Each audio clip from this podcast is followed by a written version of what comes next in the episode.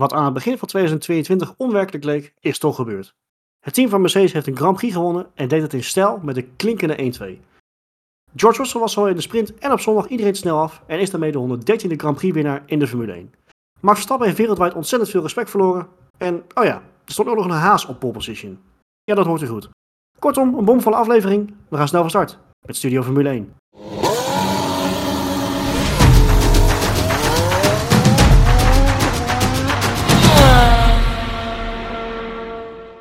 Boa noite, pessoal. Dat zou schijnbaar een goede avondman in het Portugees zijn. We zijn er weer geweest en uh, wat we in de preview al zeiden, in Brazilië gebeurt altijd wel wat. Nou, dat was uh, dit weekend uh, niks dan minder waar dan dat er echt op vrijdag, zaterdag en zondag al wat gebeurde. wat gebeurde? heel veel gebeurde. We gaan proberen het een beetje in een uurtje, misschien een beetje meer samen te vatten. We gaan natuurlijk echt Kevin Magnussen niet vergeten. We gaan George Russell niet vergeten.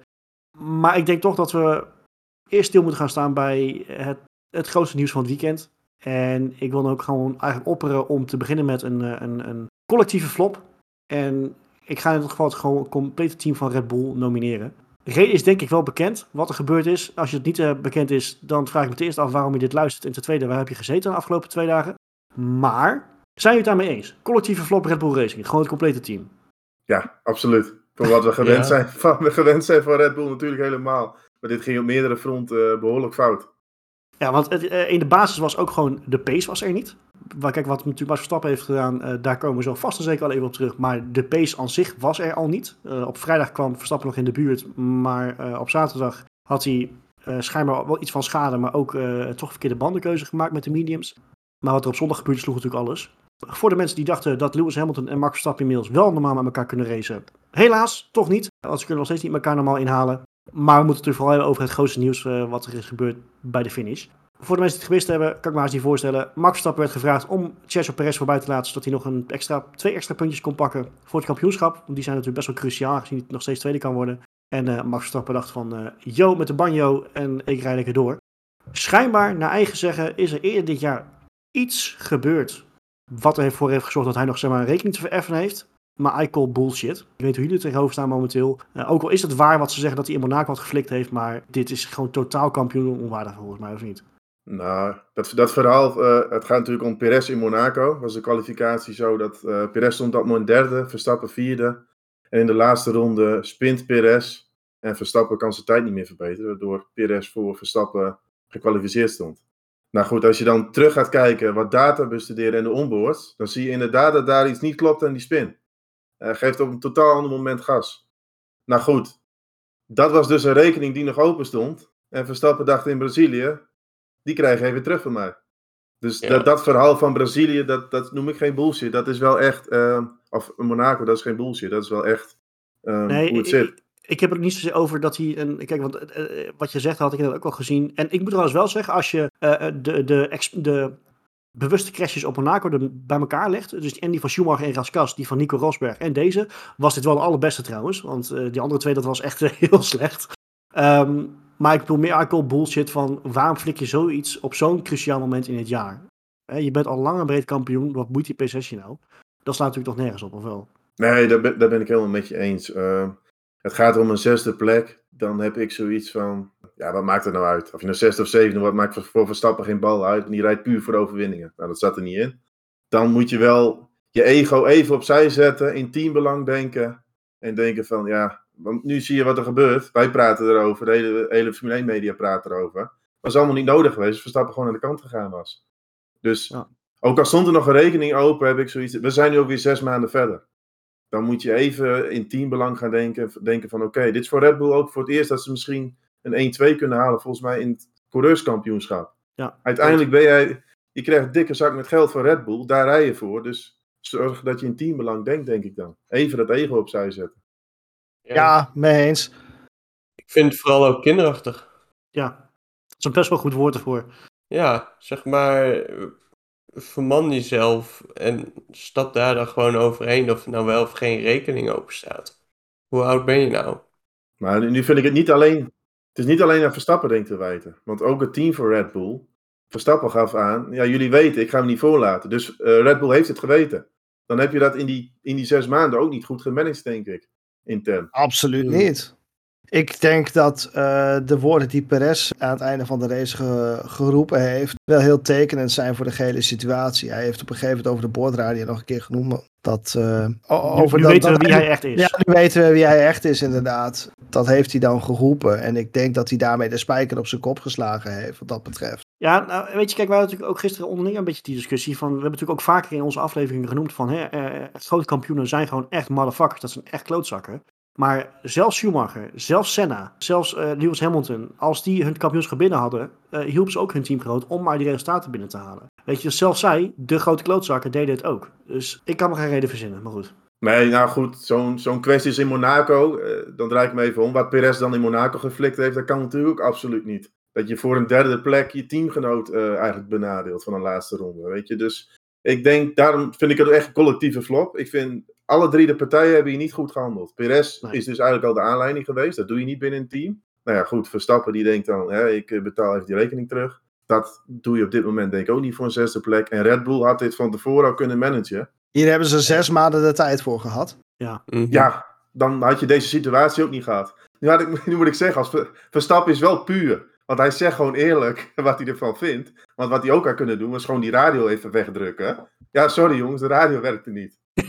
Ja, maar dan was hij sneaky geweest. Hij, dat is dan wel leuk. Hij is wel puur in wat hij... Hij zegt gewoon wat hij denkt. Maar dat is niet slim voor zijn imago. Dat is wel wie hij is. En, en, en toch, hè. Kijk, om Max te zien racen, dat is, dat is werkelijk fantastisch. En weet je, ik ben ooit een heel groot fan van Max geweest. In, in die zin, ook in de media. Maar zijn media optreden is altijd wel heel erg direct en oprecht. En, en weet je, dat kan ik dan ook op een bepaalde manier toch wel weer waarderen. Maar de afgelopen jaren heeft hij toch van, van het agressieve jochies bij Toro Rosso en zeker in zijn beginjaren bij Red Bull heel veel moeten werken aan, aan zijn PR en hoe die eigenlijk te boek staat. Daar is hij heel hard mee bezig geweest. En dat lijkt hij nu in één heel klein, onnodig moment eigenlijk compleet afbreuk aangedaan te hebben.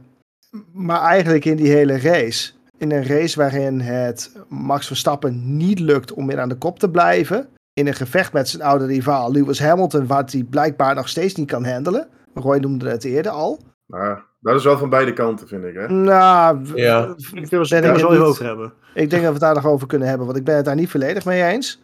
En in en, en de sprintrace ook al moeite hebben. En dan nu de keuze ervoor maken om niet in het teambelang te denken. Wat niet alleen Max zelf niks aan heeft, maar het in meerdere opzichten volledig ten nadele van het team is, vind ik echt uh, schandalig is misschien haast wel het juiste woord. Ja. Uh, niet te vergeten dat die, dat die tweede plek voor Perez natuurlijk verschrikkelijk belangrijk is voor het team. Uh, het feit dat hij. Ja, maar elke punt die hij ook nog. het, is heel stom. Elke punt die hij nu nog extra pakt in het wereldkampioenschap kost een superlicentie nog meer. Dus kost Red Bull eigenlijk ook nog geld indirect. Maar goed, ik denk dat Red Bull daar niet wakker van zal liggen. Het is je slaat echt een werkelijk uh, enorme PR-flater, denk ik. Ja, eh, Verstappen wint hier niks mee. Daar komt het een beetje op neer. Hij, hij, hij verliest er alles mee. Nee, ja. Sterker nog, ik, ik kan op zich, weet je, ik, het klinkt misschien heel raar, maar ik kan de beweegreden kan ik ergens nog begrijpen. Als het inderdaad allemaal waar is dat Perez het expres heeft gedaan. En het lijkt inderdaad wat Thomas ook zegt. Als je echt heel goed naar uh, de telemetrie kijkt, dan, dan klopt daar iets niet. Dus in die zin snap ik best dat je daar nog steeds zagrijnig over bent. Maar ik wil het niet weg wat jij ook zegt, Marco, dat ze het gewoon niet goed gemanaged hebben. Want dit had op een andere manier op kunnen en moeten worden. Ja, dus de, de gedachte achter dat je er zagrijnig over bent, snap ik. Maar niet op deze manier, echt niet. Ah, en ik, eh, ik zal je nog iets vertellen. In de toekomst gaat dit niet vergeten worden. Hey, door geen enkele nieuwe teamgenoot van Max Verstappen. Nee, maar daar, daar komt Max wel mee weg. weet je waar het namelijk ook een beetje is? Die Max Verstappen is gewoon zo goed. Hij is groter dan het team. En dan krijg je een beetje dit soort dingen. Ja, maar het, het wekt ook een bepaalde arrogantie op. Ja, maar dat, dat ontstaat ook door het, door het team, denk ik. Hij wordt zo op handen gedragen dat het ook een beetje is van Max die bepaalt gewoon wat er gebeurt. Dus hij denkt dat hij alles wel kan maken. En in die zin is het ook zo. Want Red Bull wint niet als Max Verstappen niet voor ze rijdt. Zo simpel is het. En dus komt hij hier ook wel mee weg in de toekomst. Want het is heel simpel. Red Bull gaat nooit de kant van Perez kiezen, want die wint geen titels voor je. En Max Verstappen nee, wel. Nee, dat, dus... dat snap ik. Maar een Perez gaat er niet een aantal jaren bij rijden. En een andere teamgenoot kan een keer zeggen, ja, de ballen. Vergeet ja, niet wie, wie vorig jaar eh, minister van Defensie was hè, in Abu Dhabi. Ja, nee, en dat, kijk, daar heeft PDS echt uh, Checo is a legend. Hoe, hoe, hoeveel houvast heb je? Ja. ja. Het is een teamgenoot die je dit jaar keer in keer uit heeft, heeft geholpen. En dan Mhm. flik je hem dit. Nou ja, goed, dit jaar dus niet. Want ik vind nog steeds zo'n Monaco-kwestie vind ik echt wel een kwalijke zaak. De, tuurlijk. Het is, is wel heel laag van Perez ook. En daar ontstaat natuurlijk wel iets binnen een team. Wat, waar, waar we altijd van dachten, hè, van het gaat zo goed samen. Hij dan blijkt wel weer door zijn incidentje in Brazilië, of incident, daar bleek eigenlijk wel hoe het echt achter de schermen zit. Maar daar ben ik ook blij om. Door dit incident weten we dus wat in Monaco zich allemaal heeft afgespeeld. Dat is Ja. zeker waar. Ja. Da- da- daar, daar schijnt nu in één keer een heel ander licht op. Hè? Dat, is, dat is ook alweer bijzonder dan. Hoe dat dan Ja, je hoorde Brundle ook direct na de race. Men heeft het wel geweten, alleen je kunt het als journalist en ook als commentator niet zomaar brengen. Want Het blijft een aanname. Ja, de enige die het zeker weet is Perez. En het schijnt dat hij intern ook aangeeft van, van, sorry jongens, dat heb ik inderdaad, ja, dat is niet netjes van mij. Dus dat, dat vond ik wel weer eh, opvallend dan. Maar we- wat misschien ook wel meespeelde, voor Red Bull was dit ook echt, echt geen lekker weekend. We hadden natuurlijk in onze preview al over van, Red Bull is de favoriet, maar een valkuil schuilt wel in die eh, sprintrace weekenden. Want eigenlijk gebeurt hetzelfde in Oostenrijk gebeurd. Je hebt op vrijdag één vrije training, dan moet je je setup voor elkaar hebben. Heb je dat niet, heb je de hele weekend een probleem. En dan gebeurde precies hetzelfde in Oostenrijk hadden ze het qua bandenslijtage slecht voor elkaar, Red Bull. En hier in Brazilië gewoon hetzelfde. Op zaterdag had je nog het idee van, oké, Verstappen staat ook op andere banden. Misschien had dat een rol. Maar ook op de zondag. Maar het, het, hele, het hele team was, was waardeloos. Het was een drieluik aan, aan slechte prestaties bij Red Bull. Op, op, hè, binnen het team loopt er iets blijkbaar enorm niet. De snelheid is er überhaupt niet bij het team. En Max die slaat ook nog een flater. Eh, zowel op als, als half buiten de baan. Ja, dat klopt. Ja. Het kon haast niet slechter. Nee, dit, dan- dit is verreweg het slechtste weekend dat ze gedraaid hebben van dit seizoen. ja, absoluut. seizoen. Ja. Maar dan wel. wel tekenend dat zo'n dat zo'n soort weekend dan gewoon niet voor ze werkt.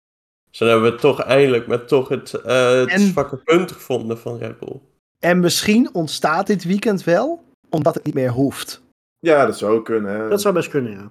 Weet je, dat zie je vaker als dan kampioenschap beslist is. Dat misschien qua scherpte wat minder wordt. Qua... Maar ja, je kan, het, je kan het gewoon hebben. Dat is met die sprintweekenden gewoon. Je hebt zo weinig tijd. Je hoeft die setup iets verkeerd te hebben. Ja, en je bandenslijtage gaat door het dak. En je, kan- je kan gedurende het weekend. Want je, ook voor de luisteraar, je zit natuurlijk onder die parfumé-regels. Dus na vrijdag kun je niks meer aanpassen in je auto. Dan, dan ben je gewoon gezien. Nog een reden toch- waarom ik een fan ben van de sprintweekenden wat dat betreft. Ja, dat zijn voor en tegen. Sommigen zeggen, ja, het wordt een beetje een loterij. Want eigenlijk kun je niet echt fine-tunen als team zijn. Anderen zeggen, ja, is wel leuk. Want dan krijg je een beetje onvoorspelbaarheid. Ja, en toch vind ik het ergens ook wel weer raar. Want Red Bull is toch ook meestal wel een team wat er in VT1 vaak wel gewoon direct bij staat, weet je. Dus eh, dat het dan nu dan weer niet lukt, net als in Oostenrijk, vind ik ook wel weer bijzonder. Maar nou, dat Ja. kan misschien pech zijn.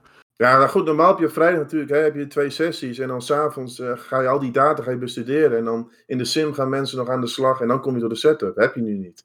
Nee, dan- precies. Het is, het is Ja. wel iets meer een soort van loterij dan in dat opzicht. Nou, maar misschien een klein beetje een aanname. En ik denk dat we daarna ook door moeten, want we beginnen het aardig te rekken. Maar zal het er dan misschien toch bij zitten dat Red Bull echt die tijd nodig heeft om die auto dusdanig te fine-tunen dat ze anders zoveel verlies, eh, verlies leiden? Nou goed, het- zit wel wat Het in. lijkt keer op keer bij sprintweekenden te zijn. Heeft het dan misschien te maken met hoeveel mensen ze daarop hebben staan? Weet je? Als er straks misschien meer weekenden zijn, of meer sprintweekenden zijn, zullen ze dan vaker naar beneden zien gaan, omdat ze dan op een andere vlak capaciteit moeten inleveren, omdat ze daar bijvoorbeeld die mensen hebben zitten voor, voor de analyse en voor de data die ze eh, verzamelen in VT1, 2 en 3. Maar het heeft ook een Ja, beetje met je auto Het te zal maken. wel hè? geen eh, tekort aan mensen zijn, denk ik hoor. Die hebben Nee. ze wel. Nee, maar goed, dat kan een strategie intern in het team zijn natuurlijk. Ja, Je hebt ook met een auto te maken. De ene auto is gewoon heel makkelijk af te stellen. En de andere heeft iets meer fine-tunen nodig. Nou, dat, dat zou het kunnen zijn. Maar goed, weet je, en- laten we heel eerlijk zijn. Als je zoveel wedstrijden wint in een seizoen, kan je ook een keer zo'n weekend erbij hebben. Daarom, weet je, zo'n schande is nou eigenlijk ook weer niet. Het is gewoon Nee, dat alles bij elkaar nu komt. Weet je. En dat van eh, Verstappen, dat waait uiteindelijk ook wel over. Want hij is zo goed dat, wat ik zeg, hij komt er uiteindelijk ook wel weer mee weg. En Weet je, het is wel zo, als wij eh, volgende week hebben Abu Dhabi en daarna gaan wij natuurlijk nog eventjes gewoon terugblikken op het seizoen, dan gaan we nog steeds zeggen dat Max Verstappen een magistraal seizoen heeft gehad. Weet je, ja, dat, dat- daar kan je niet omheen. nee, Dat- en weet je, misschien is het ook wel, we zijn nu een dag verder, dat Verstappen zelf ook wel denkt van, ach, had ik dat nou wel moeten doen? Waarschijnlijk Ja. denkt, hij, denkt hij zelf ook van, eh, nou, laten we dat, had ik misschien iets anders moeten oppakken. Nou ja, goed. En voor mij, eh, het, het weekend begon natuurlijk wel fantastisch. Want eigenlijk op vrijdag had ik mijn top al klaar. Natuurlijk altijd onze vaste rubriek top of flop. Ik dacht op vrijdag, ja weet je, dat is voor mij Magnussen. Want het interesseert me niet meer wat er in die sprintrace en die hoofdrace gebeurt. Magnussen is de top. Want heel eerlijk gezegd, het, het lijkt een beetje op geluk. Maar iedereen, Nee. heeft, Oh, iedereen nee. heeft. Nee, nee, daarom. Maar iedereen heeft dezelfde kans gehad in Q3. Iedereen ging daar de pit uit. en kon één ronde doen. En Magnussen die ging gewoon gelijk tekeer, zet die ronde neer en de pole position was daar. Had natuurlijk het geluk, het geluk dat zij eh, vooraan in de pit staan, omdat ze ze vorig jaar als het laatste eindigden. Weet je, dat Ja. ja. geluk hadden ze dan. Eh, Maar ja, dan heb je het ook over minimale verschillen. Ja, en normaal gesproken is het andersom. Hè? De laatste die het circuit op gaat, heeft, het, heeft de betere baan normaal gesproken. Ja. Ja, En daar is ook geen gebruik van gemaakt. En daarna begon het pas te spetteren. Of begon het echt te regenen. Ja, het wa- het was steeds al een beetje aan natuurlijk, Jawel, maar- maar... Ja, dus weet je, als- het kan als zijn de- dat die laatste rijders daar wat meer last van gehad hebben. Maar Ja, maar dan gaat het zal minimaal fracties. wezen. Dan gaat het om fracties, want natuurlijk een Magnussen zit in een haas. Dat is al een handicap op zich. Ja, dat- ja, ten opzichte van de Red Bull, de Ferrari en de Mercedes. Dus weet, Ja. weet je, voor mij is dat gewoon alle credits. Dat is echt gewoon een fantastische pool naar mijn idee. En de hele kwalificatie zat hier ook, zeker met die haas, gewoon goed bij. weet je, het feit dat hij al in Q3 kwam, hè, dat, Ja, dat zegt ook wel heel veel. Eh, En, en Magnussen ook een beetje zoals Bottas. In kwalificatie heeft hij soms echt van die monsterronden. En dit, dit was er gewoon weer eentje. En hij is ook wel een typetje. Hè? want Hij is niet bang. Dus als het een beetje gaat druppelen. Ja, dan mag Magnussen niet uit. Die gaat gewoon tekeer.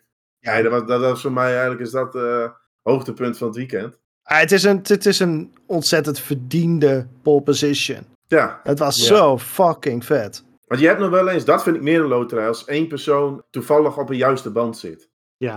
Leclerc bijvoorbeeld ging naar de Inter. Nou, als die de pole vind ik meer een soort van gokje. Maar dit was wel dat hij eigenlijk acht, negen mannen dezelfde kans hadden. En hij deed het gewoon het beste. Dus echt dikke credits. En ook leuk voor Haas natuurlijk, want die waren echt dolblij. Ik, ik zou haast bijna zeggen van, zou je Haast? niet... eh, eh, haast.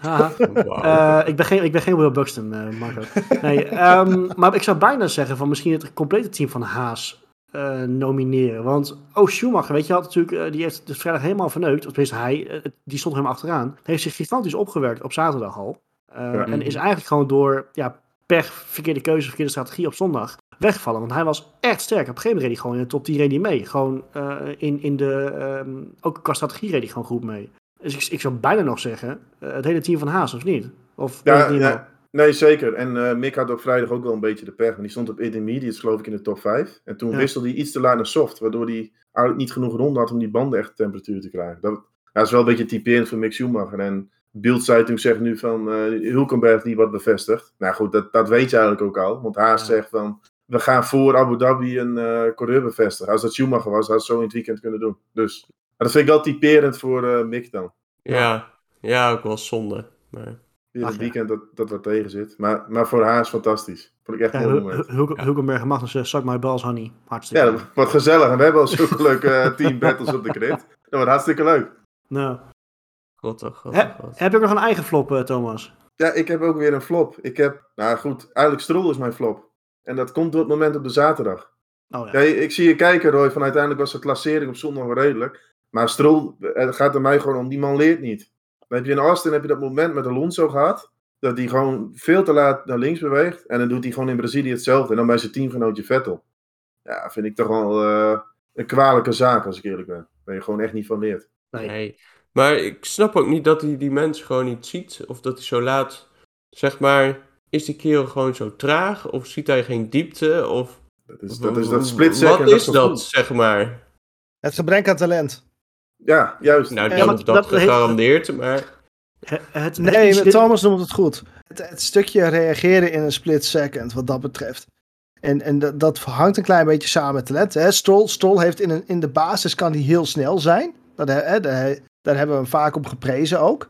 We hebben het bijna elke het- aflevering hebben we het ook over hem, hè? Bijna Ja, elke dat aflevering is, komt hij te ja, sprake. er gebeurt Nee, altijd ik heb hem nooit gelezen, hoor. Eh, En maar, eh, som- soms is hij hartstikke snel. En dat is hem toe te kennen. Alleen in racecondities, op het moment als het vooral aankomt op gevechten, en dat, dat zien we keer op keer weer, lijkt hij die inschatting gewoon heel slecht te kunnen maken. En Ja. ik- de, de- zeker het afgelopen jaar is bij hem heel erg duidelijk geworden dat daar zijn grootste tekortkoming zit. ja, maar...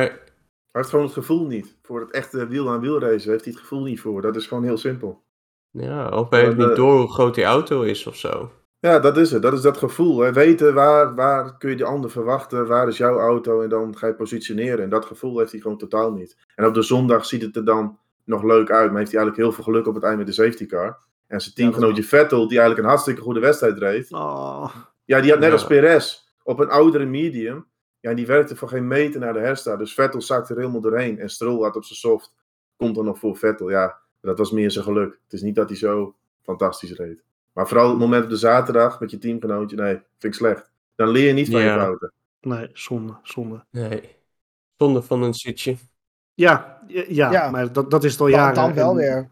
Dat zal ik zo blijven. Totdat op een gegeven moment het licht gezien wordt bij eh ofwel het management van Aston Martin of bij eh, de papa Stroll. Maar dat zal nog wel even duren, denk ik. Maar wie ligt je wel brand? Ik pak maar eens over als je het niet erg vindt. Want we vergeten eigenlijk gewoon de man van het weekend. En dat is George Russell. Maar ik ga hem even nog, nog verder uitbreiden. Eh, ik vond gewoon het team van Mercedes was er eindelijk weer. Lewis Hamilton was er eindelijk weer. Gewoon echt dat ze meestreden om de overwinning. En dat is iets wat we... Ik ga, het klinkt heel raar wat we gemist hebben. Eh, wat ik natuurlijk al in de intro al zei. Wat we echt aan het begin van 2022 echt niet hadden verwacht. Eh, dat ze waren, ik zou bijna het woordje kansloos willen pakken. Hebben ze gewoon het hele seizoen zo hard gewerkt, dingen getest. Lewis Hamilton heeft zich zo vaak opgeofferd om, om shit te testen, uit te proberen in, in, in vrije trainingen. En om dan nu gewoon wel echt een 1-2 te pakken. Nadat Hamilton ook nog eens een keertje gewoon van de baan afgetikt is, eh, om wat voor reden dan ook. Vind ik echt eh, bewonderenswaardig. En ik denk ook dat er weinig mensen zijn die ze, die ze de aflevering, of de aflevering, de overwinning, eh, niet gegund hebben. Ik hem absoluut. deze aflevering ook hoor. Dus, Ja, dat geeft niks.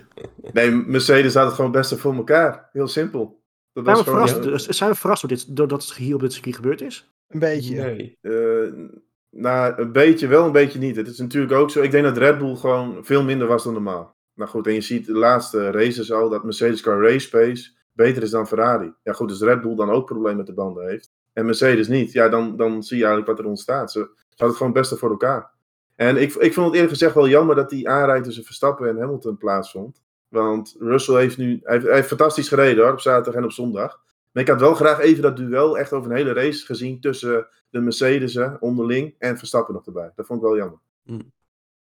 Ja, eens. En daar moet ik wel zeggen, we hadden het er net even over. eh, Hamilton en Verstappen, die laten elkaar gewoon niet leven. Dat is heel simpel. Zodra ze naast elkaar de bocht ingaan, is het gewoon... Je bekijkt het maar. Dat is van beide kanten gewoon.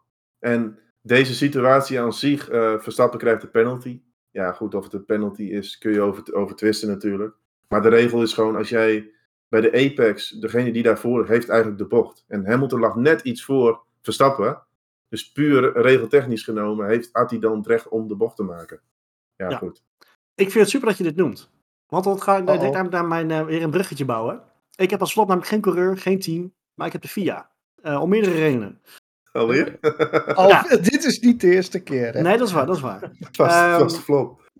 Ik vind, mijn mening, mijn show, mag ik eh, de, de vijf seconden penalty van Verstappen bullshit. Eh, hij heeft zichzelf al genoeg gestraft met die, eh, met die schade die hij had. En ik vind het gewoon een race-incident. Ze hebben allebei, allebei hadden ze wat kunnen doen om het te ontwijken. En ja, ik ben het helemaal eens met wat Thomas zegt. De regels zijn regels. En het spreekt op zich, ja, voor zich wat, wat er gebeurde. En, en de regels, ja, keihard, maakt er niet uit. Maar ik vind nog steeds, van beide kanten had iets gedaan kunnen worden om het te ontwijken. Maar Daarnaast hebben we ook nog een Yuki Tsunoda.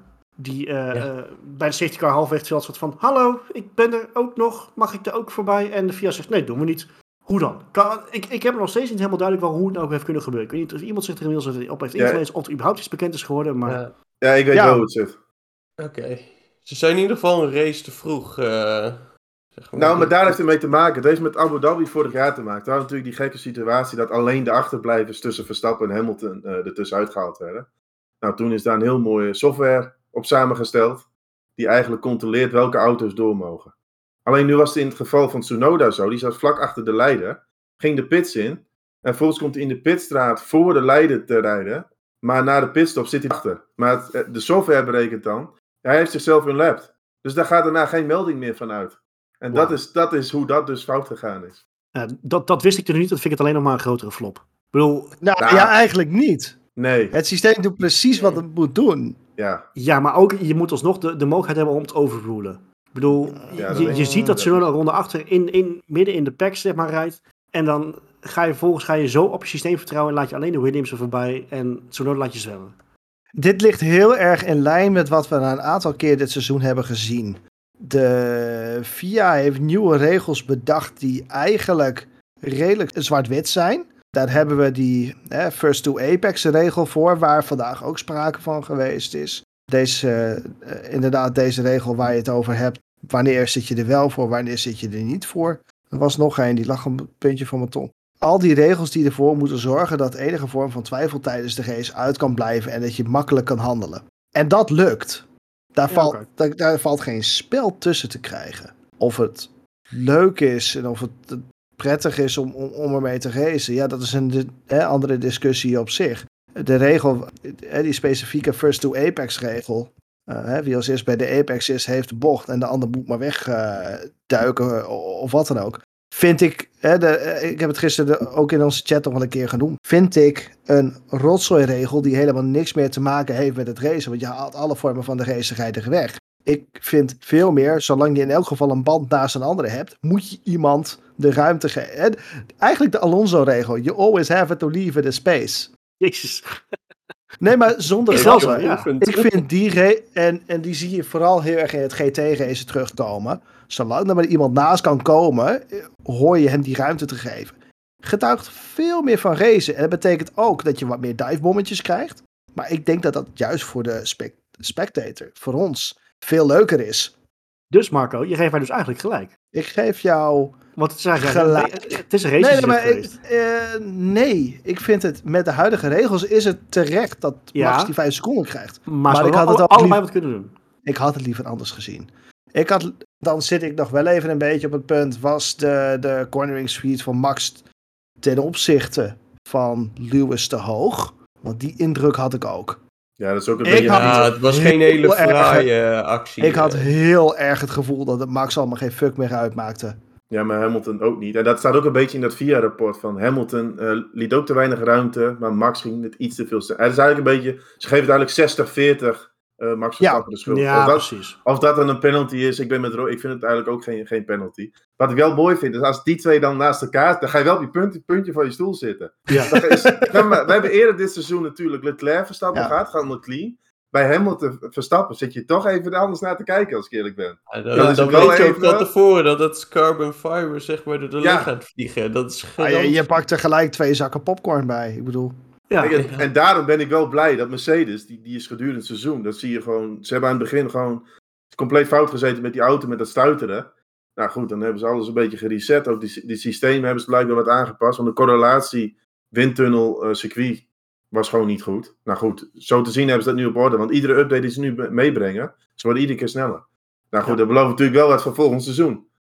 En Ja. dan, eh, Oh, ik verheug me dan toch weer op Hamilton Verstappen. Ik vind dat echt Oh. mooi hoor. Ik hou mijn hart vast. Ik kan, ik kan dit echt niet nog een seizoen aan wat we vorig jaar hebben gemerkt. Dat, dat dan... Ah, nou. Maar, maar dan wordt het dus interessant. Kijk, want een Russell, die, die, heeft, die kan Hamilton bijbenen. En die, Ja. dat zie je nu ook, die profiteert. Die lacht er alleen maar om. En als je dat volgend seizoen vaker krijgt, ja, dan gaat de derde ermee heen. Dat had je natuurlijk vorig jaar, want Bottas kon natuurlijk niet aanhaken. Dus dat is natuurlijk wel een nee, ding. nee maar dat Nee. is het hele grote verschil. Ah, Maar om even, eh, even nog op de VIA terug te komen. Deze regels hebben ze zo zwart-wit gemaakt. Omdat een, een, een vorig wedstrijdleider, kent u hem nog, Michael Masi. waarvan heel veel mensen erover twijfelden of hij nou wel of niet weg moest. Kon niet met, die, met dat grijze gebied omgaan.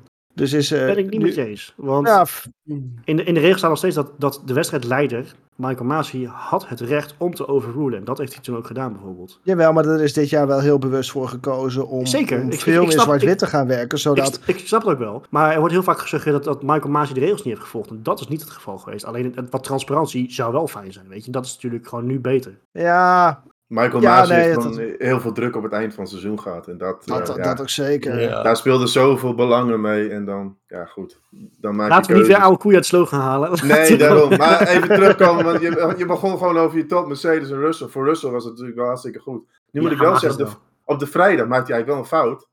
En dan komt de code rood en niemand kan meer verbeteren. Dat vind ik altijd wel van die dingen. Van, je profiteert toch een beetje van je eigen fout weer. dan. En dat had Ja, gewoon dat straf, moeten, die, die tijd had gewoon afgeroomd moeten worden. Ja, maar dat, zie je, dat is dus ook die kwestie Perez Maar Verstappen. dat is een hele mooie regel die ik zou willen zien. Ja, ik ook.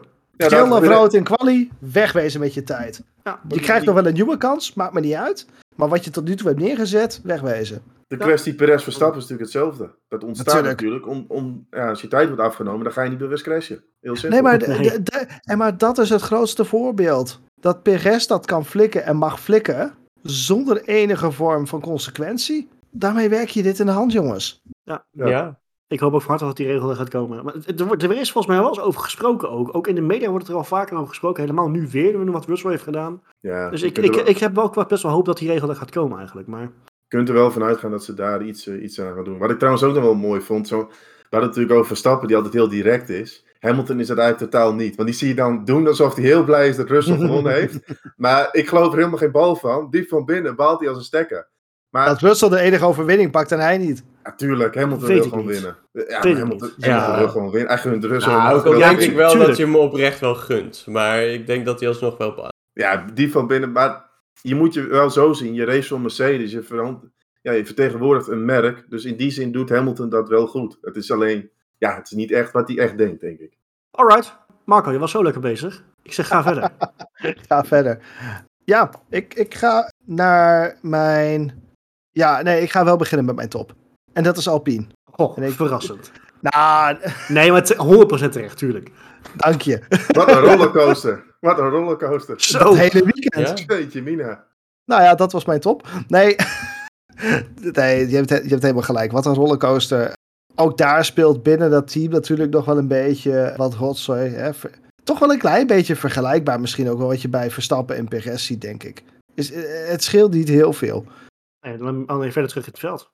Dat Alleen, is het verschil. Verder terug, eh, iets verder terug in het veld. Maar moet ik wel eventjes zeggen, ik, ehm, grappig genoeg stond Alonso bij mij op de shortlist ook voor een flop. Want Mhm. wat een debiele actie was dat. Nee, en de reactie daarna. Weet je, Ja. houd toch op, vent. Maar dat is toch een beetje Alonso in de Formule 1. Het is, het is allemaal leuk en aardig. Ja. Maar zodra er een teamgenoot is die een beetje bij hem in de buurt komt. Dan ga je in één keer de hele andere kant van Alonso zien. En Marco eens, ik had hem eerst ook overwogen als flop. Want hij zat zelf gewoon fout in de sprintrace. En dan vervolgens in interviews alleen maar Tot, afgeven. op keer toe ook, hè?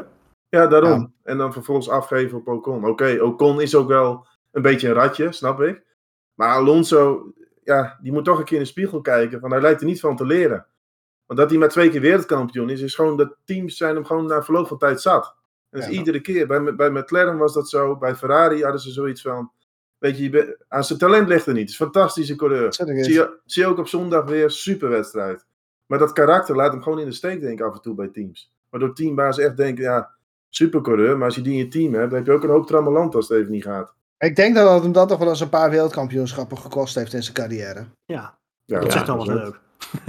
nee, maar eh, ik hoop ook echt van harte dat hij volgend jaar ook, zoals we allemaal wel verwachten, ook echt ver voor Stroll rijdt. Want anders dan heb je echt drama. Ik bedoel, als hij echt tegen Stroll Ah, moet dat racen, moet toch, moet toch wel, jongens. Ja, ik hoop, ik hoop het wel. Anders dan wordt Stroll een keer de beste coureur ooit. Maar goed. Ja, maar Eh, Ja, ja, ik- wel, wel een fantastische wedstrijd, hè. Misschien wel een beetje geluk met die, met die safety car partij, maar Alonso reed überhaupt heel sterk door het veld heen.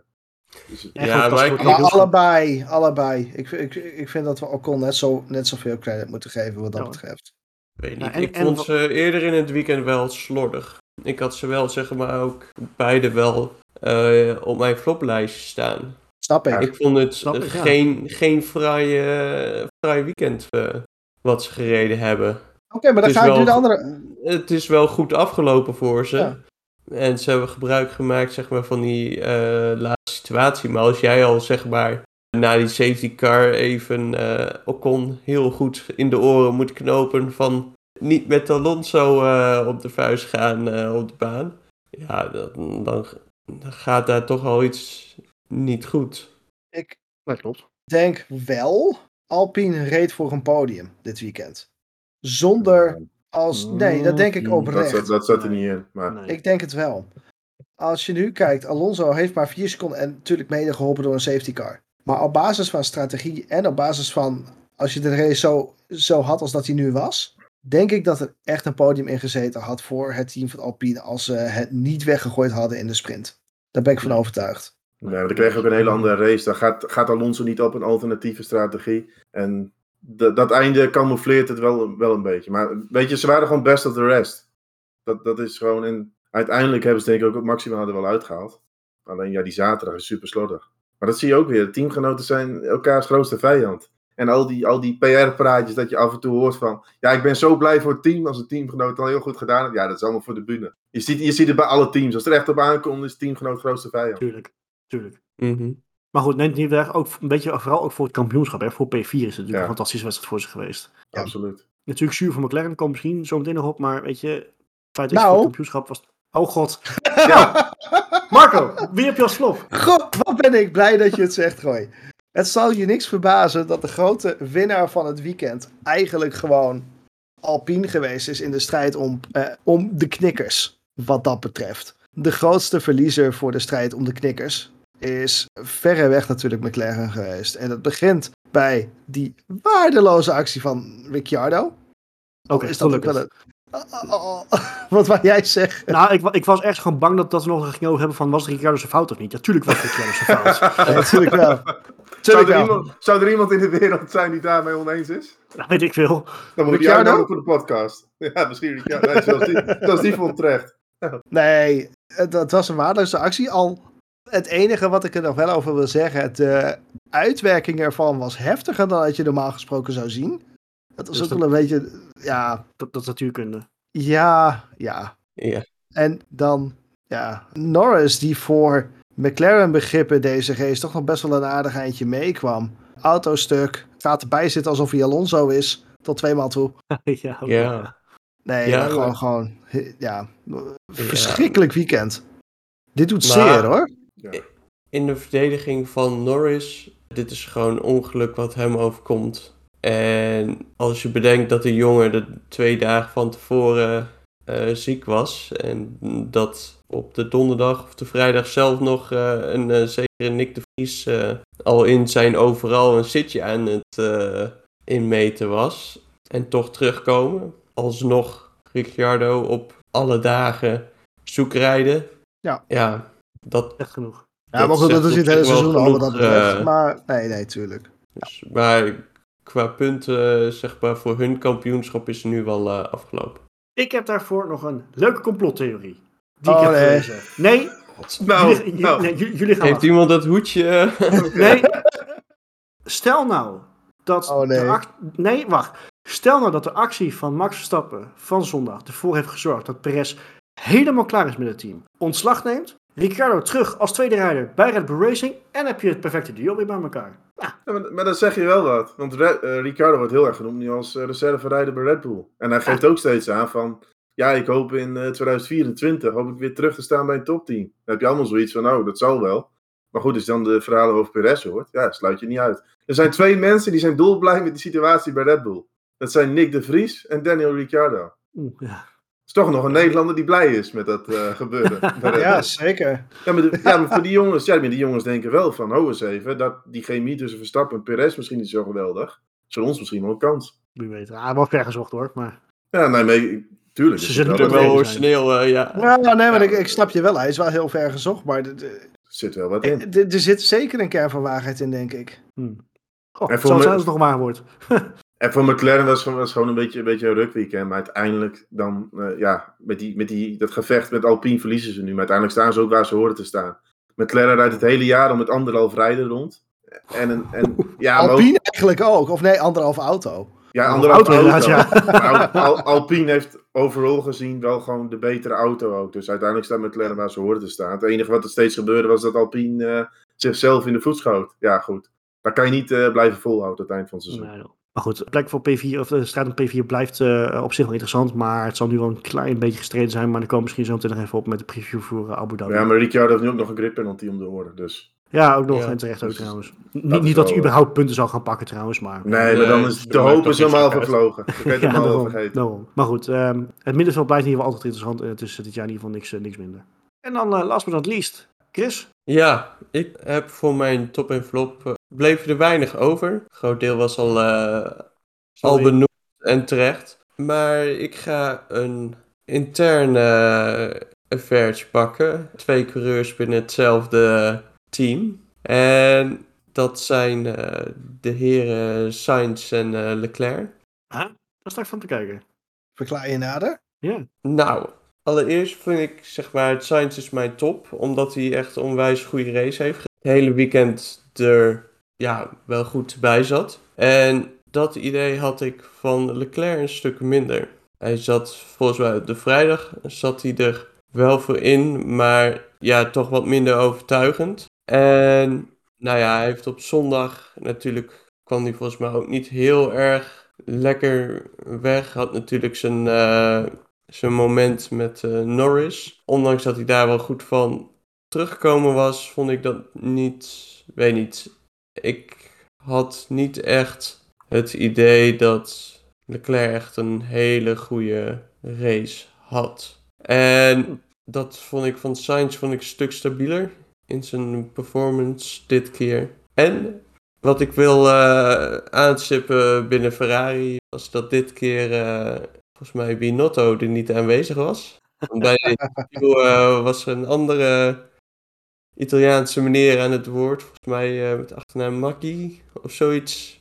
In ieder geval, volgens mij heeft hij wel vaker het team geleid in afwezigheid van Lulletje Rozenwater. En dat was een stuk beter. Nou, dat laatste ben ik niet met je eens. Ik heb dingen van, nee, ik heb dingen van Ferrari gezien. Zoveel beter? Nou, nee, maar op de vrijdag gaat er echt heel wat mis. Ja, ja, ja. We, we hebben het natuurlijk over Leclerc, maar die, oké, die gokt dan op intermediates. Dat, dat vind ik nog tot daar aan toe. Maar vervolgens komt hij recht een stuk opgereden. Was bij Ferrari al bekend van iedereen zette op, op de slicks al een tijd neer. Dan moet je direct aan het binnen. Vertellen ze het hem wanneer hij op start-finish is. Ja, is hij weer te laat. Vervolgens komt hij de pits in. Zegt Leclerc, ik wil nieuwe softs. Wat staat er klaar? Gebruikte softs. Zegt hij, ja, dat zijn gebruikte. Moet er weer nieuwe op? Ja, vervolgens rode vlag, kan geen tijd meer zetten. Nog een ander voorbeeld. Op zaterdag doen Sainz en Leclerc een proefstart. Leclerc deed die van de linkerkant, maar moet op, moet op eh, rechts starten. Toen zei hij ook al, kan ik niet beter mijn proefstart dan op rechts doen? Ja, ja, sorry, we dachten dat je links ging starten. Ja, dat soort dingen, dat vind ik nog steeds. Dat, dat vind ik zo amateuristisch. Dat ik, uh, en je hebt wel gelijk over de race op zondag. Was Ferrari qua strategie was op zich prima. Maar ja, ik vond nog niet dat het zoveel beter was als die dingen terugzag. Ik als nee, nee, ik bedoelde zeg maar, zoals met die persoon, bedoel ik echt de man zelf. En niet zozeer ja, oké. Okay. Uh... Maar goed, hoe het team functioneerde vond ik nog steeds, uh, ja, wel gekke ja. dingen. En Leclerc was, was denk ik, ben ik niet helemaal mee eens dat dat per se een flop was. Want ja, nee door die vrijdag komt hij aan, loopt hij een beetje achter de feiten aan. En op zondag, ja, het incident met Norris. Ik denk dat Norris wel de hoofdschuldige is. En komt hij. Ja, P4, ja, de, P4 was denk ik voor de Leclerc het maximale. Uiteindelijk. Dus daar staat niet zoveel mee. Ik had het complete team van Ferrari als, uh, als flop op mijn shortlist staan. Of als uh, top, sorry, als top op mijn shortlist staan. Ik vind het gewoon een hele sterke race op zondag. Leclerc goed teruggekomen, ook al was misschien uh, ja, het begin wat zuur. Maar ik had ze echt allebei, even puur de race heb ik het dan over. Haal ik ze als top staan, dus. Ja, ik vond Ferrari een beetje tweeledig wat dat betreft. Kijk, die hele amateuristische fouten die, die Thomas aanstipt, mag je niet gebeuren. Zeker niet in een team als Ferrari. Maar wat ik wel vind is dat Ferrari in een, zeker tijdens de race, voor uh, ten eerste voor hun doen, maar überhaupt strategisch heel sterk waren. Voor de verandering overigens. Mm Maar dat lijkt er wel een beetje op dat op het moment dat de keuzes voor Ferrari deels wel worden bepaald, dat ze daar het beste uit weten te halen. Op het moment dat ze het zelf moeten uitvinden, dat ze, dat ze niet weten wat ze moeten doen. En eerlijk is eerlijk, ik kon ze eigenlijk alleen maar prijzen op het moment dat ze die lidstrategie deden, samen met uh, Charles en Sainz, uh, met die inters en softs tijdens de kwalificatie. Mm. Die, die keuze aan het begin was, ik vond dat heel sterk. Dat getuigde van vertrouwen en een wil om te winnen. Iets wa waar ik ze dit seizoen ook weinig op betrapt heb. Maar dan krijg je inderdaad wat je daarna weer zegt. Op het moment dat al heel snel blijkt dat die soft eigenlijk, of die, die inter eigenlijk te langzaam is, dan moet je hem al naar binnen halen. En daar zijn ze weer te laat mee. Het is zo verschrikkelijk wisselend. En dit is de hele reden waarom Ferrari geen stap verder komt. En als ik mij niet vergis, die me kies is voor de, voor de camera een stuk beter. Maar in het leiden van het team de, de races waarin hij aan het roer staat, zijn ze nog minder dan ze voorheen waren. Ja, heb ik, heb ik zelf ook niet zo'n zo'n hele hoge pet voor op die uh, beste meneer. Maar er schijnt intern bij Ferrari wel het een en ander eh, te gaan veranderen deze winter. Dus ja, dat mag ik hopen. Dat mag ook wel, ja. ja. maar dat is ja, wel aangegeven. En ik moet ook zeggen van, oké, Mercedes die heeft nu de overhand gekregen, vooral op race pace. Maar het is ook wel een beetje, Ferrari zag gewoon op een gegeven moment natuurlijk in van, dit gaan we niet meer winnen. En heeft al eerder de ontwikkeling van dit jaar uh, stopgezet. En Mercedes zag je wel met updates komen. Dus in die zin heeft Ferrari misschien, denk best een prima weekend gedraaid. Derde, vierde, ja. En wat wel zo is, Sainz vind ik wel, uh, natuurlijk een paar keer dat hij wat ongelukkig was. Maar dit weekend zat hij er wel constant bovenop, ook in de sprintrace. Ja. Sainz, Sainz vond ik wel echt, en hij heeft ook nog een gridstraf uh, natuurlijk gehad van vijf plekken. Vond hem wel, mm -hmm. hij was wel scherp. Zeg een beetje de oude Sainz. Ja. Scherp in, scherp in de duel, scherp in de wedstrijd. Dat was wel weer, uh, vond ik wel weer netjes. Hopelijk houdt hij het vol. Alright, helemaal goed. Dat was in ieder geval qua top en flop. Ik denk dat we ook het grootste deel van de race wel een beetje gedekt hebben. Willen we nog stilstaan bij Pierre Gasly? Nou, dat, dat is wel een noemenswaardig moment natuurlijk. Iets met uh, uh, te snel rijden in de pitstraat, penaltypunten, et cetera, et cetera. Kan jij hem verder uh, toelichten, Thomas? Nou goed, hij, hij is bewust te hard de pit doorgereden, begrijp ik. En normaal gesproken krijg je daar een strafpunt voor. Maar die heeft hij niet ontvangen. En dat is wel een beetje, een beetje gek natuurlijk. Je verzint het niet. Nee. Ja, we hebben Ja. er al voor gespeculeerd. Hè? Van zal hij het gaan proberen om een eh, schorsing te forceren? Nou, dat leek, daar leek het wel op. Ja, maar ik vind het ook raar, want dit is dan ook weer iets wat we eigenlijk bij de FIA hadden moeten noemen. Want waarom geef je hem dan nu in één keer niet de straf? De afgelopen races hadden, zeg maar, weet ik veel, stonden de straffen voor hem in de bonus. En nu moet je, zeg maar, doet hij expres dingen en dan is er niks aan de hand. Dus ik vind het gewoon heel leeg. raar. Ja, maar Ja. als je dan toch alles zwart-wit wil invullen, dan moet je dit ook gewoon doen. Dan moet je hem ook, zeg maar, ja, geven. Ja, eens. Ja, eh, het is typisch via, denk ik maar. Is, is daar nog iets over naar buiten gekomen? Nee, niet dat ik niet. gezien heb, nee. Maar goed, het is wel het tamelijk bijzonder. Alsof ze eigenlijk bij de VIA allemaal wel wisten dat hij wat ging proberen. En van tevoren al besloten hebben van nou, weet je, dit gaan we maar mooi niet doen. Ja, maar toch ligt het eraan. Stel dat hij bijvoorbeeld echt letterlijk al 120 door de pit was gereden of harder. Net dat hij echt hard had gereden. Ja, dan, dan krijg je hem direct op je, op, je, op je broek. Dus ik neem het toch aan dat Ja. ze het er wel Normaal gesproken nemen mensen gewoon je rijbewijs af. Maar Ja, precies. superlicentie afnemen, zoiets? Ja. nou, ik denk, ik denk dat echt bewust serieus hard door de pits rijden. Dat zal echt wel zwaar bestraft worden, denk ik hoor. Maar goed, dat Ik is, zei eh, het eerder die dag nog voor de grap. Zal hij nog met 200 erheen jakkeren. Maar ja, Of Dat een, EMG, een ik zat er in EMG ieder geval geven. niet heel ver naast. ja, een MG geven. Ja. Blaas, blaastest Ja. afnemen. Ja. Ja. Maar goed. Eh, ehm, Wie uiteindelijk ook nog een matig resultaat had, we hadden het natuurlijk over Red Bull, maar Perez. Maar die had, je krijgt door zo'n zo'n wedstrijd dat je dan aan het einde safety car hebt, krijg je qua scorebord altijd wel dingen die een beetje vertekend zijn. In het voetbal hebben ze daar een mooie term voor, scorebordjournalistiek. Want Ja. uiteindelijk ziet het er voor- voor Perez ook waardeloos uit, die zevende plek. Maar dat was natuurlijk ook op het eind, eh, de mannen die op een oudere medium stonden, ja, die konden helemaal niks meer naar de herstart. waren gewoon een sitting duck. En dat waren Vettel en Perez. Ja, Dus, ja, Vet had, ik nog al- had ik eerst op mijn shortlist staan voor top. Maar ja, weet je, want hij was echt aan, aan de eerste helft was hij echt fantastisch. Ik denk, oh, wat is dat waar om, om die Vettel nog zo aan het einde nog zo te zien knokken. Eh, En dan gaan, we, dan gaan we een beetje eh, geruchten van, hè, zal die eh, bij Audi eh, eh, komen in 2026, weet je wel. Maar ik, ik denk niet dat we Vettel nog achter het stuur terug gaan zien. Maar dit was wel een heerlijk afscheid en voor Brazilië in ieder geval voor hem. Dus, Ja, nee, zeker. En andere oude man, die zijn misschien ook een beetje vergeten. Bottas. Want we zeggen altijd over hem, kwalificatie veel beter dan de wedstrijd.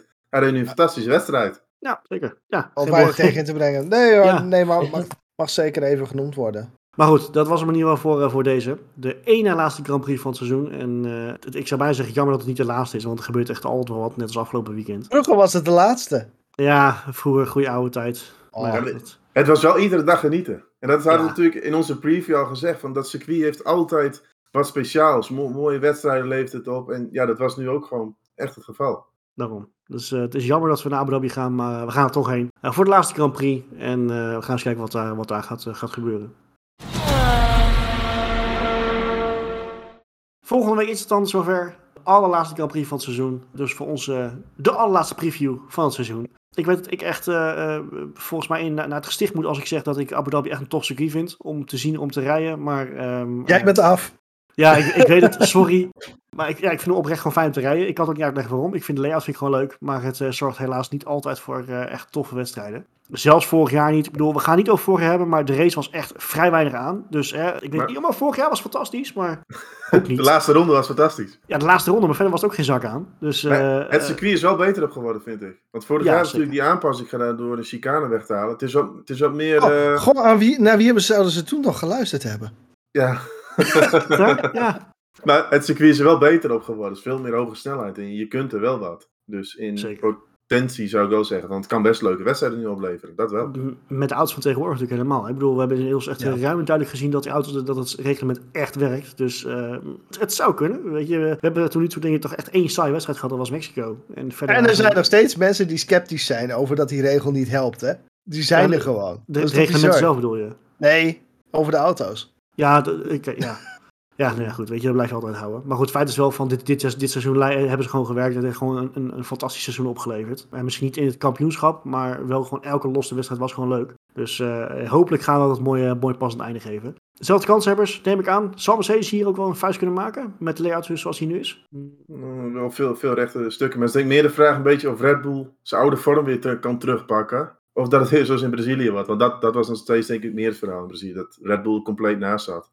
Ja, en als je zegt veel rechte stukken is vaak natuurlijk wel eh, in hun voordeel gebleken. En ik denk sowieso dat Ma- Max Verstappen die rijdt met een hele grote grijns door bocht 5 heen denk ik iedere keer.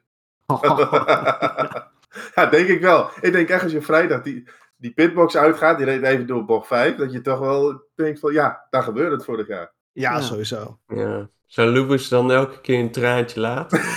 dat, zit, dat, dat zit er best in. Oh man. Maar ik vind wel, Eh. interess- ondanks dat alles een beetje gestreden is, vind ik het wel interessant weekend. Je hebt dat die plek 2. En ook, hè, hoe staat Mercedes op zo'n circuit ervoor? Ja.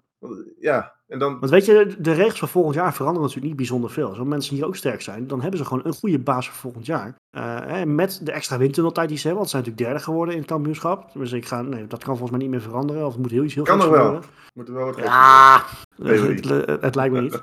Maar goed, weet je, het, het, het kan wel een heel goed teken zijn voor volgend jaar. Ik maak me dan vooral zorgen om Ferrari, denk ik. Maar goed, misschien staan die er ook wel bij eh, komend weekend, weet jij veel. Maar goed, we verwachten toch wel de drie teams vooraan. McLaren Alpine zal nog interessant kunnen worden. Eh, met Ricardo waarschijnlijk eh, ergens achteraan en Lennon Norris die het weer moet doen. Maar goed, Ja, dat is natuurlijk dus de strijd die nog interessant is. Maar verder is het dan een beetje gestreden, denk ik. Dat verschil Ik is ook dat dat gewoon... eh, Alpine ook wel gezien is hoor. En zeker Ja. op een baan als Abu Dhabi zie ik wel meer als een Alpine-baan dan McLaren-baan. Ja, Dus, dat ook eh, sowieso. En Dat die Het stukken. Het feit dat er bij McLaren altijd nog maar eentje aan de streep komt die in de punten komt en nooit twee. Dus, hè? Ja, het verschil is inmiddels 19 punten. Dus eh, met alle respect, dat zie ik niet, eh, niet snel meer gebeuren. Ik denk dat er heel veel rijders in het veld zijn die, die snakken gewoon naar, eh, naar Abu Dhabi. Alonso is gewoon klaar bij Alpine. Weet Ja. je, bij Mercedes, ze zijn nu wel blij, maar die willen gewoon een nieuw seizoen starten. Bij Ferrari, waar ze natuurlijk volle hoop eh, aan het seizoen begonnen. Ja, die, weet je, die zijn er ook klaar mee, die willen weer een nieuw seizoen. Er zijn best wel Ja. veel teams dit jaar waar ik het idee heb van, nou, die hebben het echt... Gasly is helemaal klaar met Alfa Tauri. Ja, ook wel, ja. Daarom, eh, dus we gaan het zien. We gaan even lekker voorspellen. Maar voordat we dat gaan doen, gaan we naar de meest zinloze rubriek van deze uitzending, denk ik. Ehm, so- sorry Marco, het spijt me. Maar ik denk dat jij eh eh, weinig het bijzonders te vertellen hebt. Wat wordt het weer? Hoog. Mooi, gaan we verder. Wie wil hem aftrappen? Ik, ik ga hem gewoon eens opgooien. Wie wil hem aftrappen met een top 3? Ja, ik neem hem wel. Want eh hebben we het gekste tenminste weer gehad. Oh, ja. Nee, nee, ik denk dat ik hem redelijk straightforward wil gaan houden. Ik verwacht heel eerlijk gezegd niet meer dat Ferrari in de top 3 komt. Daar wil ik me eigenlijk mee beginnen. Geen vertrouwen Nee, meer in. Sorry, sorry Tifosi, maar dit, dit gaan we niet meer doen. En ik, ik denk dat heel laat in het seizoen eh, Mercedes hem gewoon te pakken heeft. En ik geef ze gewoon een kans. Wederom.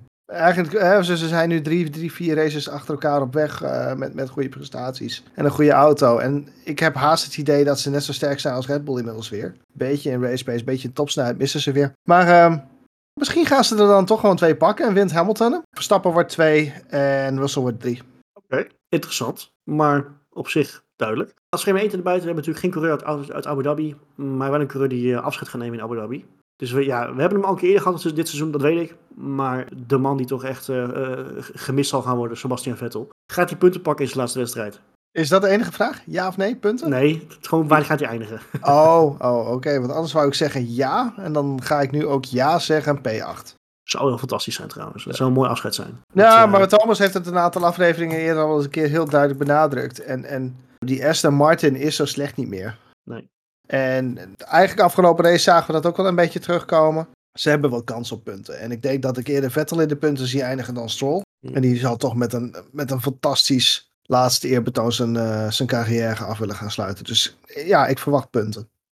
Oké, ik pak maar van je over, want ik ben er maar heel saai. Want ik heb echt exact jouw top 3 ook namelijk. Ja, sorry. Ik verwacht ook. Ik, ik, ik roep er nog een paar races. Ik Wat? moet, toch, e- ik moet toch echt een keer gelijk Wat? hebben. Ja, sorry. Ik moet echt een keer gelijk hebben. Lewis Hamilton gaat echt nog een race winnen dit seizoen. Nou, Verstappen tweede en Russell derde lijkt me gewoon redelijk logisch. Vettel, eh, ik heb een heel nauw onderbuikgevoel. Ik zeg een DNF. Je, je ziet het vaker. Ik weet ook bijvoorbeeld bij, bij David Coulthard, weet ik nog, 2008, dat hij voor mij zijn laatste wedstrijd had. En eh Brazilië bocht 1 lag hij er alweer al af, weet je. En, en eh, Schumacher eh, voor mij toen, ook eh, sowieso iets. Nou nee, was het een andere race, sorry. Weet je, het, het, er, ge- er gebeurt iets dat, dat hij niet uitrijdt. En dat spijt me zeer. Ik hoop dat ik het mis heb, maar dat zei zo. Thomas. Nee, ik ben het niet met je eens, Roy. Ik denk eh, dat Latifi net zoveel wedstrijden wint als Lewis Hamilton dit seizoen. nee, wat eh, Max Verstappen. Hamilton wordt wel tweede, hij komt er dichtbij, maar net niet. En Leclerc zet ik op drie. En Ferrari. ja, moet- ik ben van de Leclerc fanclub, moet ik hem toch in de top Ah, 3 ja. zetten. Dus eh nee, Leclerc op 3. Maar eh, ja, nog heel even over Vettel. Daar hebben we niet heel veel over gehad deze uitzending. Maar ik vind het wel een mooie kerel. Want we hadden natuurlijk over eh, Alonso, Verstappen met het team. Vettel is wel iemand van... Iedereen spreekt nog steeds positief over die man. Bij Red Bull, bij Ferrari en ook bij Aston Martin. Dan hoor je weer van hè, hoe dedicated hij is. Hij is nog steeds iedere sessie hartstikke gemotiveerd met de engineers. Het is wel echt, echt een mooi persoon. Wel een verlies, denk ik, voor de sport aan zich. Gewoon puur als persoon zijn. Echt, echt wel een goed mens. Maar hij gaat net hoop- niet in de punten. Nee, ik, Sorry? Oh, nee ik, ik wil alleen even zeggen, ik hoop van harte dat hij wat, wat, eh, wat, wat cv-dingen gaat doen. Dat hij bij F1 TV bijvoorbeeld wat vaker aan de slag gaat of zo. Dan, hij is, ik denk, echt een perfecte analist ook. Dan schakel jij daar over op het Duitse commentaar van F1 TV. Ja, dat kan ook nog wel, ja. ja. Ja. Nee, maar dat, dat, dat zou mooi zijn. Ik denk dat we hem echt wel eh, terug gaan zien. Maar hij is hartstikke een mooie kerel. Maar hij wordt, eh, hij wordt elfde. Hey, Dat is wel zuur. Oké, en dan last but not least Chris. En ik wil je ook alvast eventjes eh, vragen om, eh, eh, je moet weten wat je zelf doet, maar ik denk dat eerst even voorspellen en ik ben daarna heel benieuwd of hoe, we, eh, hoe onze tussenstand is. Ehm, want ik heb een enkeltje me in laten fluisteren dat het afgelopen weekend dramatisch was eh, bij ons. En dat we nog Ja. best wel wat eh, eh, te gaan hebben. Ja, daar kan ik je zo wel wat meer eh, over vertellen. Mijn top 3, ik denk dat eh, Verstappen toch wel zijn vorm hier herpakt. Ik denk ook dat Hamilton hier tweede gaat worden. En ik zet eh Sainz op 3. Ik, eh, die is toch wel redelijk in vorm. De baan ligt ze misschien niet helemaal, maar je weet niet wat er nog kan gebeuren. Dus eh, het is een beetje een gok. Maar dat is dit allemaal. Vettel, ik, ik gun de beste man eh één punt. Ik denk dat het tiende gaat worden. Oh, mooi. Eh, ja, het zou hartstikke mooi zijn als hij toch zijn eh, carrière ja, met punten kan afsluiten. maar dat boeit allemaal niet. Ik ben benieuwd wat onze tussenstand is. Hoe gaan we naar Abu Dhabi toe? Hoe gaan wij nou Abu Dhabi toe? Oei, oei, oei, oei. Wie, heeft, wie heeft matchpoint? dat ben ik. Wat? Eh. Oh shit. Ja, gewoon onze score voor Brazi- Brazilië was echt dramatisch. Er is in totaal maar 25 punten gescoord, verdeeld over ons vieren. Waarbij Thomas niks heeft gescoord Dat is in. Brazilië. Dat Dus eh, dat voorspelt niet veel goeds. Dat eh, zet mij op eh, plek nummer 1 met 315. En Thomas op 2 met 295. Marco op 3 met 285. En Roy op plek 4 met 265. Top. Dus Hij laatste een ronde. beetje flop, hè? Ja. ja. Maar uiteindelijk worden daar nog onze voorspellingen voor de Drivers Championship, Constructor, Constructor Championship en onze 9, 50 en 10 nog een keer mee verrekend. Dus alle kansen zijn nog niet eh, weg. Nou, da- daar wil ik eh, even kort op inhaken. Want Marco, weet jij zeker van jouw voorspelling? Want jij had namelijk aan het begin van het seizoen gezegd voor jou 50%. Ferrari gaat 5 Grand Prix winnen. Ze zijn nu op 4. Dus weet je het zeker? dat, is wel, dat is wel zuur. Ja. Eigenlijk niet te geloven dat ze er maar vier hebben, hè? Ja, bizar Ja, eigenlijk, aan hè? het begin zo'n fantastische auto. En hoeveel... Het had, het had ook echt meer moeten zijn. Ik bedoel, ja, allemaal. Monaco, Ja. jeetje mina. Ja. Ja, goed, en betrouwbaarheid heeft ze uiteindelijk een behoorlijk parten gespeeld. Behoorlijk Ja. met rokende motoren gezien. Nou, ik, Ja. Volgens mij, heb, als ik even mij goed herinner, heb ik zowel mijn 90, mijn 50 als mijn 10 gaat daar echt niks meer van komen. Nee. En, eh, Mijn 50 kan ook worden door het putje trouwens. Want ik heb gezegd dat George Russell geen race ging winnen. Nou, Oeh. dat gaat ook goed. ik wil zeggen, die, die, ja. Die is je nog even En, door de neus eh, geboord. Norris mag ook anders nog wel eentje winnen, hoor. Die volgens mij was dat dat, zou een 10. even wat zijn trouwens. Hé. Nou, dan hebben we een gekke, gekke middag gehad. Hallo zeg. Ja. Ja. Ja, dat zou wel mooi zijn. Overigens, weet je wat ik nog ook wel interessant vind voor Abu Dhabi? Red Bull heeft nu aangegeven, van Verstappen die gaat eh Perez weer helpen in Abu Dhabi. Maar als je naar de stand kijkt, eh, Leclerc staat nu tweede en eh Perez staat nu derde, evenveel punten. Verstappen kan geen bal doen, want Perez moet altijd voor Leclerc eindigen. Wat kan Verstappen daar nog, die kan er helemaal niks voor betekenen. Ja, Perez of Leclerc van de baan rijden. Ja, goed, je dan moet je zulke, zulke extreme dingen gaan doen. Maar Verstappen gaat dat echt niet doen. Nou, maar hij zou natuurlijk wel, hè, stel, stel het is Verstappen 1, Leclerc 2, Perez 3. Weet je, dan zou natuurlijk wel, zeg maar, de, de ministerie van Defensie van Nederland kunnen gaan Ja, doen. En, dat, dat, dat, maar dat zou hij dan moeten, bijna moeten doen. Want ik, er was zo'n uitspraak van Hoorn en Marco. Dacht ik, ja goed, die probeert natuurlijk ook een beetje de boel eh, rustig te houden. Maar dacht ik van, ja, zoveel kan hij niet meer doen in Abu Dhabi. Hij had nu die paar puntjes extra kunnen geven door hij een voorsprong had. En Abu Dhabi valt er niet zoveel te doen. Er staan Perez en Leclerc zelf. Vind ik hem wel leuk duel. Ja, zeker weten, zeker weten. Nou ja, we gaan het zien. Voor de laatste keer gaan we, gaan we afsluiten met een, met, een- met een preview. Het was, eh, het, het was al een mooi seizoen. Ik hoop dat we een mooi afsluiten gaan, gaan geven. Hebben wij voor nu, voordat we gaan afsluiten, nog een hele mooie nabrander? Volgens mij niet. Volgens mij hebben we weer gedekt. Nee, we hebben gewoon een fantastisch weekend gehad. Absoluut. Ja. Daar, gaan- we mooi op Ja. terugkijken. Mooiste, to- mooiste weekend van het seizoen, denk ik nog steeds. Voor mij wel. In, in de breedte Ja, over het hele Ja. weekend gezien sowieso. Ja.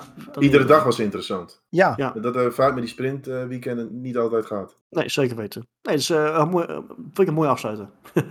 Goed, mannen, dank jullie wel. Ik eh, zie jullie na Abu Dhabi, zie ik jullie weer. En dan gaan we kijken of we eh 96% score hebben van mooie races dit, weer dit seizoen. Mannen, dank jullie wel. Luisteraars, bedankt voor het luisteren. Kijkers, bedankt voor het kijken. En tot na de Grand Prix van Abu Dhabi.